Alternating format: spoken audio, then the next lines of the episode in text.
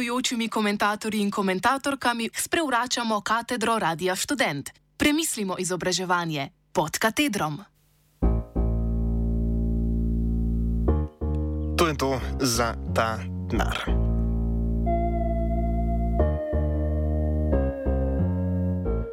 Te dni je bil sprejet nov zakon za urejanje položaja študentov, krajše ZUPŠ. Novi zakon bo, da nimo, nekoliko zvišal državne štipendije, pa dvignil višino subvencije za študentske bone, malce povečal financiranje gradnje študentskih domov in podobno.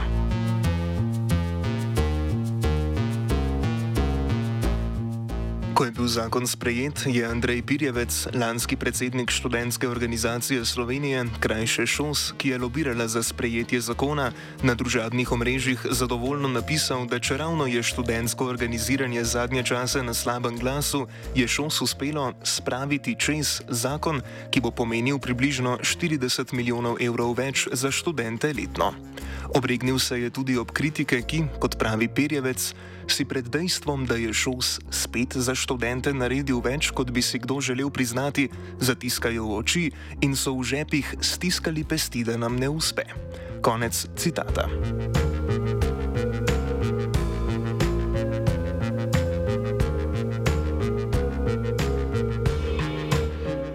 Če Pirjevec misli, da si šos s prejetjem zubš lahko opere roke, se moti. Zastaviti si moramo dve vprašanji.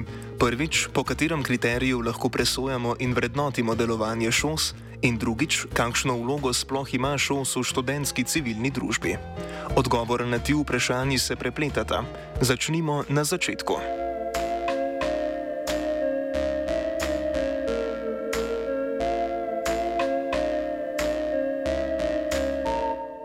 Študentski organizaciji Slovenije je namenjen privilegiran status.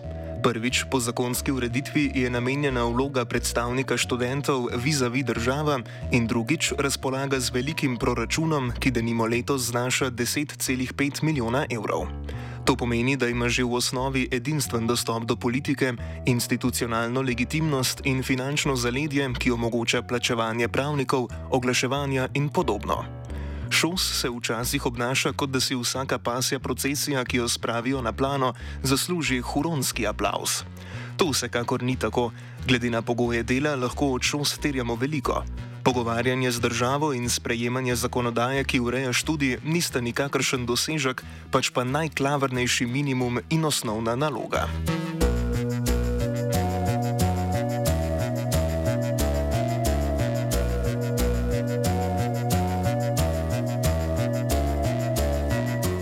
Težko je postaviti natančno in splošno mero in reči, če bo šos dosegel to in to normo, bo del upravičil svoj obstoj.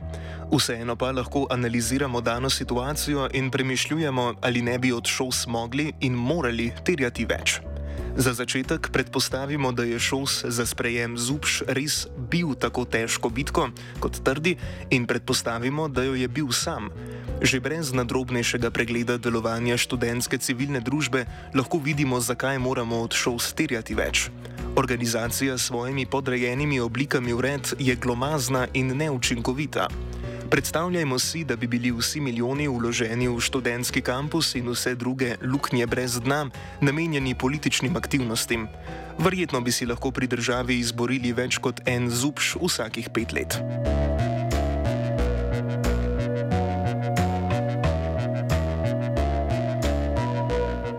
O tem, na kakšne načine je šos neučinkovita, ne bom izgubljal besed. Moji sodelavci so redakciji z neizprostno natančnim popisovanjem vseh teh sodov brez dna prislužili nagrado. Dejstvo pa je, da zubš gor ali dol, delovanje šos ni učinkovito. To, da pojdimo naprej. Koliko šos sploh prispeva k študentski civilni družbi?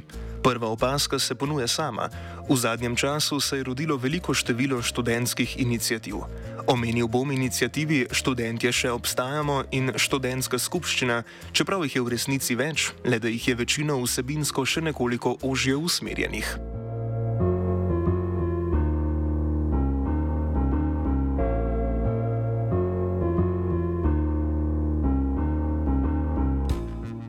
Novo nastale inicijative hodijo do odločevalcev, se stankujejo s politiki, pritiskajo, organizirajo skupščine, proteste, akcije, dogodke in podobno. V resnici počnejo isto kot šos, vendar brezplačno, brez institucionalnega in finančnega zaledja. Občasno so se s šos celo sprli. Pirjevec je inicijativi Študentje še obstajamo lani spomladi obljubil kritje določenih za šos nizkih stroškov tiskovin, pa si je po protestu na študentskem kampusu premislil, čeprav inicijativa s protesti ni imela prav nič.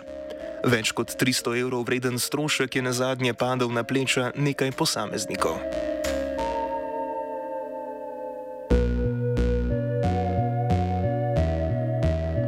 Verjetno je v vsakem primeru zdravo, da sta tako moč kot tudi platforma razpršeni.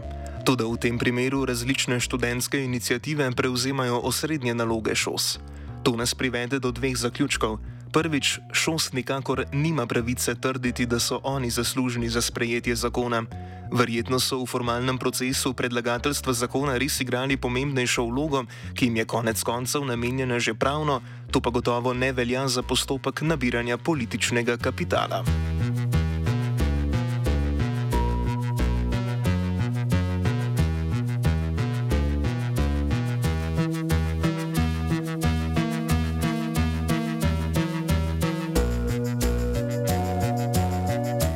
Prispevkov tu seveda ni moč kvantificirati, oziroma bi moral za natančnejšo sodbo predočiti natančnejšo analizo. To, da šol se vede, kot da so zakon sami manifestirali v čistem vakumu. Zadnji dve leti je na težave, s katerimi se soočamo študenti, opozarjalo večje število inicijativ. Sestankovalo se je, protestiralo, predavalo, pisalo in podobno. Skratka, šol se želi pobrati vse zasluge, kar pa ne pove celotne zgodbe. Če že hočemo deliti medalje za sprejetje zubš, si jih zasluži precej večja množica.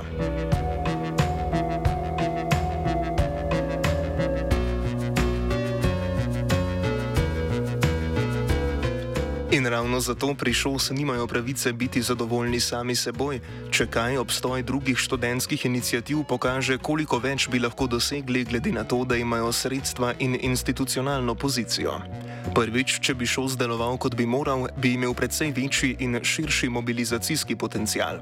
Če ne drugega, bi organiziral vsaj kak dober protest ali zasedbo.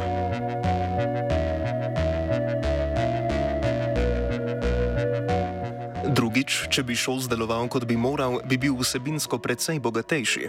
Zubš sicer res obravnava določene pomembne probleme študija, višino subvencije študentskih bonov, višino štipendij in podobno. Tudi slovensko visoko šolstvo ima še precej hujše težave. Na univerze že lep čas neizprostno pritiska trg, ki posega tako v izobraževanje kot tudi raziskovanje. Financiranje oddelkov se poskuša upravičevati z razmerjem med zaposljivostjo in številom študentov, socialni problem študija pa se rešuje s študentskim delom.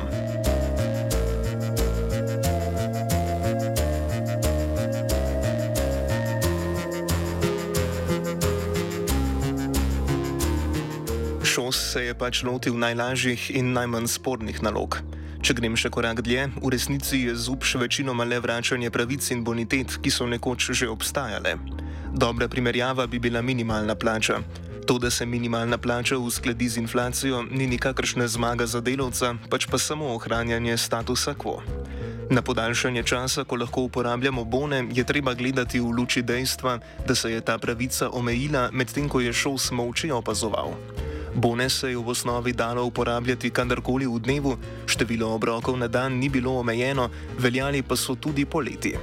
Klavrnost zubš je tako tudi to, da nam niti starih pravic ne vrača v polnosti, kaj šele, da bi izboril kaj bistveno novega. Še za tisto, kar je novo, torej člen o spolnem nadlegovanju, so zaslužne aktivistke rezistence, še ene inicijative, katere zasluge si zdaj pripisuje šos.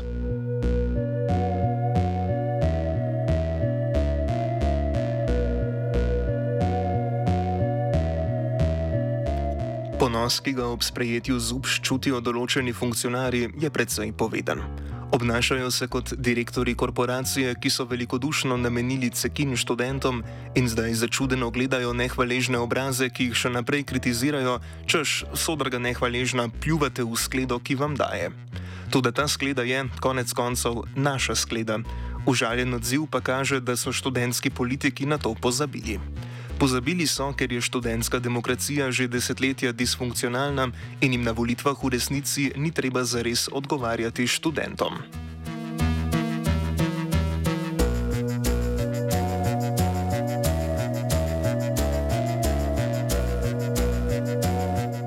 Ugotovitve lahko strnemo.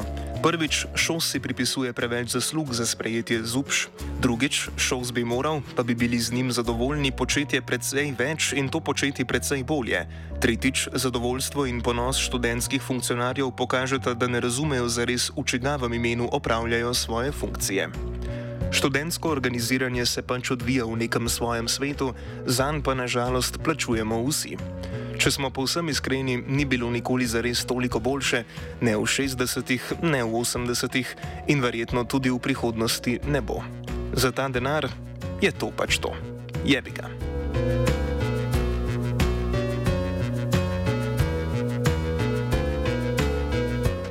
Z očmi zavija Matija.